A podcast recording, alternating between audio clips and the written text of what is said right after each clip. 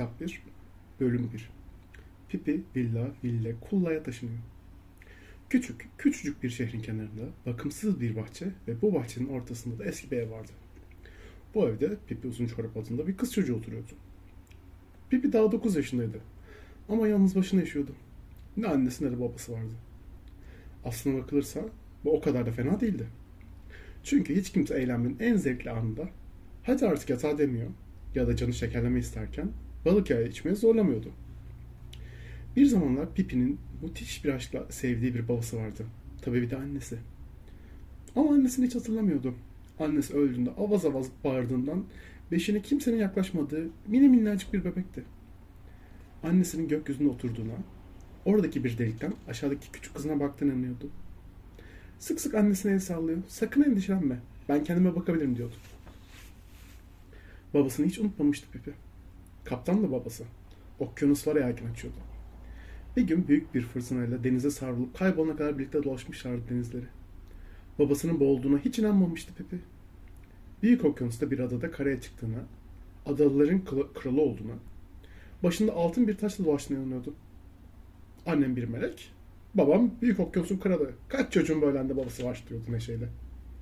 Babam yine bir yelken yapar yapmaz gelip beni alacak. Ben de büyük okyanusun prensesi olacağım. Hey hop ne muhteşem bir hayat. Pipi'nin babası bahçe içindeki bu evi uzun yıllar önce almıştı. Denizleri açılamayacak kadar yaşlandığında Pipi ile birlikte bu evde yaşamayı planlıyordu. Ama ne yazık ki bir rüzgar denize savrulup kaybolmuştu. Pipi de Villa Villa Kulla'ya, evin adı buydu, taşınıp babasını orada beklemeye karar vermişti. Yaşamak için gerekli her türlü eşya vardı evde. Güzel bir yaz akşamı babasının tayfasıyla vedalaşmıştı. Onlar Pipi'yi, Pipi de onları çok severdi. Elveda çocuklar diyen bir Pipi, tek tek hepsini alnına öpmüştü. Benim için endişelenmeyin. Ben her zaman başımın çaresine bakabilirim. Gemiden yalnızca iki şey almıştı. Babasının ona hediye ettiği Bay Nilsson adında bir maymun ve altın para dolu bir çanta. Tayfa güvertenin parmaklarını yaslanıp Pipi gözden kaybolana kadar arkasından bakmıştı. Omuzunda Bay Nilsson, elinde altın dolu bir çanta. Bir kez bir arkasını dönüp bakmadan dimdik yürüyüp gitmişti Pipi. Pipi gözden kaybolduğunda gözyaşlarını silen bir tayfa eşsiz bir çocuk demişti. Haklıydı. Pipi gerçekten eşsiz bir çocuktu. En eşsiz tarafı da çok güçlü olmasıydı. Öylesine güçlü ki dünyanın hiçbir polisi onun kadar güçlü olmazdı. İsterse bir atı bile havaya kaldırabilirdi. Kaldırıyordu da. Hem hep bir atı olsun istemişti. Villa Villa Kulla'ya taşındığı gün bu isteğini gerçekleştirdi. Çans'taki altın paralardan biriyle bir at satın aldı. Evin verandasında yaşayacaktı at. Öğle sonrası kahve içmek için verandaya çıktığında atını havaya kaldırıp bahçeye indiriyordu. Villa Villa Kulla'nın yanında bahçeli bir ev daha vardı. Bu evde bir anne, bir baba ve biri kız biri olan iki tatlı çocuk yaşıyordu. Oğlanın adı Tommy, kızın adı da Anika'ydı. Çok iyi kalpli, iyi de yetiştirilmiş, tatlı uslu çocuklardı. Tommy tırnaklarını asla kemirmez, annesinin sözünden hiç çıkmazdı. Anika istediklerini yerine getirebildiğinde asla kavga etmez. Ütülü pamuklu elbiselerin kirlenmemesine özen gösterirdi. Tommy ile Anika bahçelerinde kavgasız gürültüsüz oynarlardı. Ama sık sık keşke bir oyun arkadaşımız olsa derlerdi. O zamanlar Pipi babasıyla o deniz senin, bu deniz benim dolaşıyordu. Tommy ile Anika bazen bahçenin içinden yaslanır. Şu evin boş durması da kötü. Keşke birileri taşınsa. Çocukları çok birileri derlerdi birbirlerine.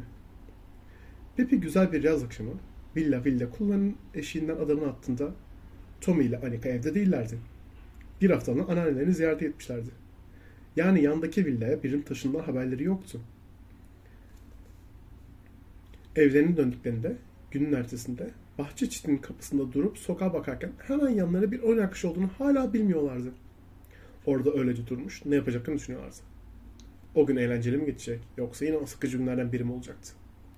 Derken villa villa kullanın bahçe kapısı açıldı ve küçük bir kız çocuğu dışarı çıktı. Tom ile Anika'nın o güne kadar gördükleri en tuhaf kızdı bu. Pipi uzun çoraptı. Sabah yürüyüşüne çıkıyordu. Şöyle bir kızdı. Saçlarını şöyle bir kızdı. Saçları havuç rengindeydi. Başının iki tarafında iki sıkı saç örgüsünün uçları havaya kalktı. Küçük bir patatese benzeyen burnun üzerine çillerle kaplıydı. Dudakları geniş, dişleri beyaz, sağlıklıydı. Elbiseleri daha da tuhaftı. Bu elbiseleri Pipi kendisi dikmişti. Aslında mavi bir elbise olsun istemiş ama elinde yeterince mavi kumaş olmadığından orasına burasına kırmızı yamalar yapmıştı. Uzun zayıf bacaklarındaki çoraplardan biri siyah, diğeri sarıydı. Siyah ayakkabıların neredeyse ayaklarının iki katı büyüklüğündeydi. Bu ayakkabıları babası Güney Amerika'dan almıştı. Ne de olsa ayakları büyüyecek diye büyük ayakkabılar almış. Pip de başka bir ayakkabı istememişti.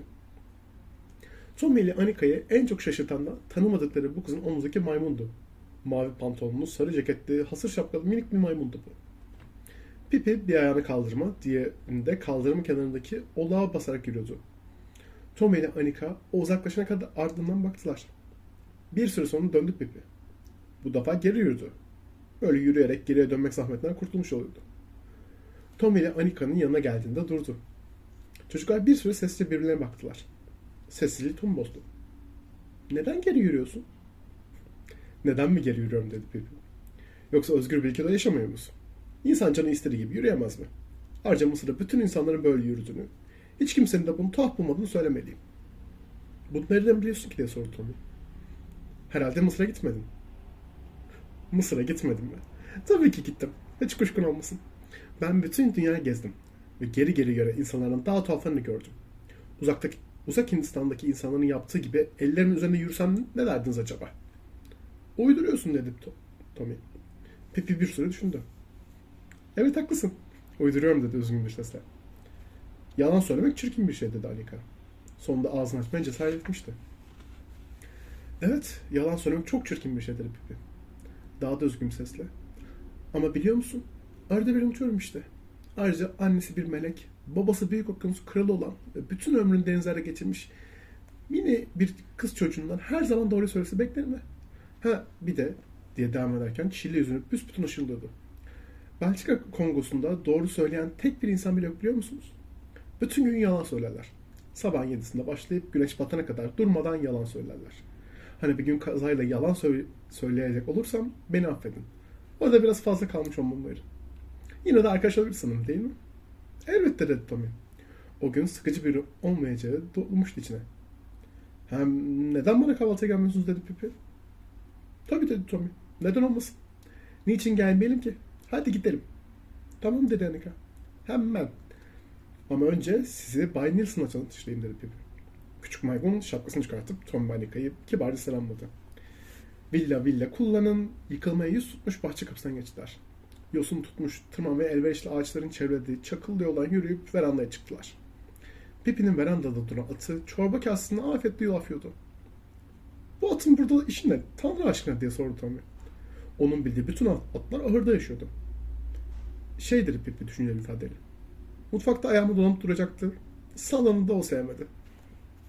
Tom ile Anika atı okşayıp içeri girdiler. Ev, salon, mutfak ve bir yatak odasına ibaretti. Pipi'nin cumali temizliğini unuttuğu hemen belli oluyordu. Tom ile Anika Büyük Okyanus'un kralını görebilir miyiz diye dikkatle çevrelerine baktılar. Hayatları boyunca Büyük Okyanus'un kralı diye birini görmemişlerdi. Ancak ne bir baba ne de bir anne gördüler. Burada yalnız mı yaşıyorsun diye sordu Anika endişeyle. Tabii ki hayır. Bay Nilsson ve at da burada yaşıyor ya.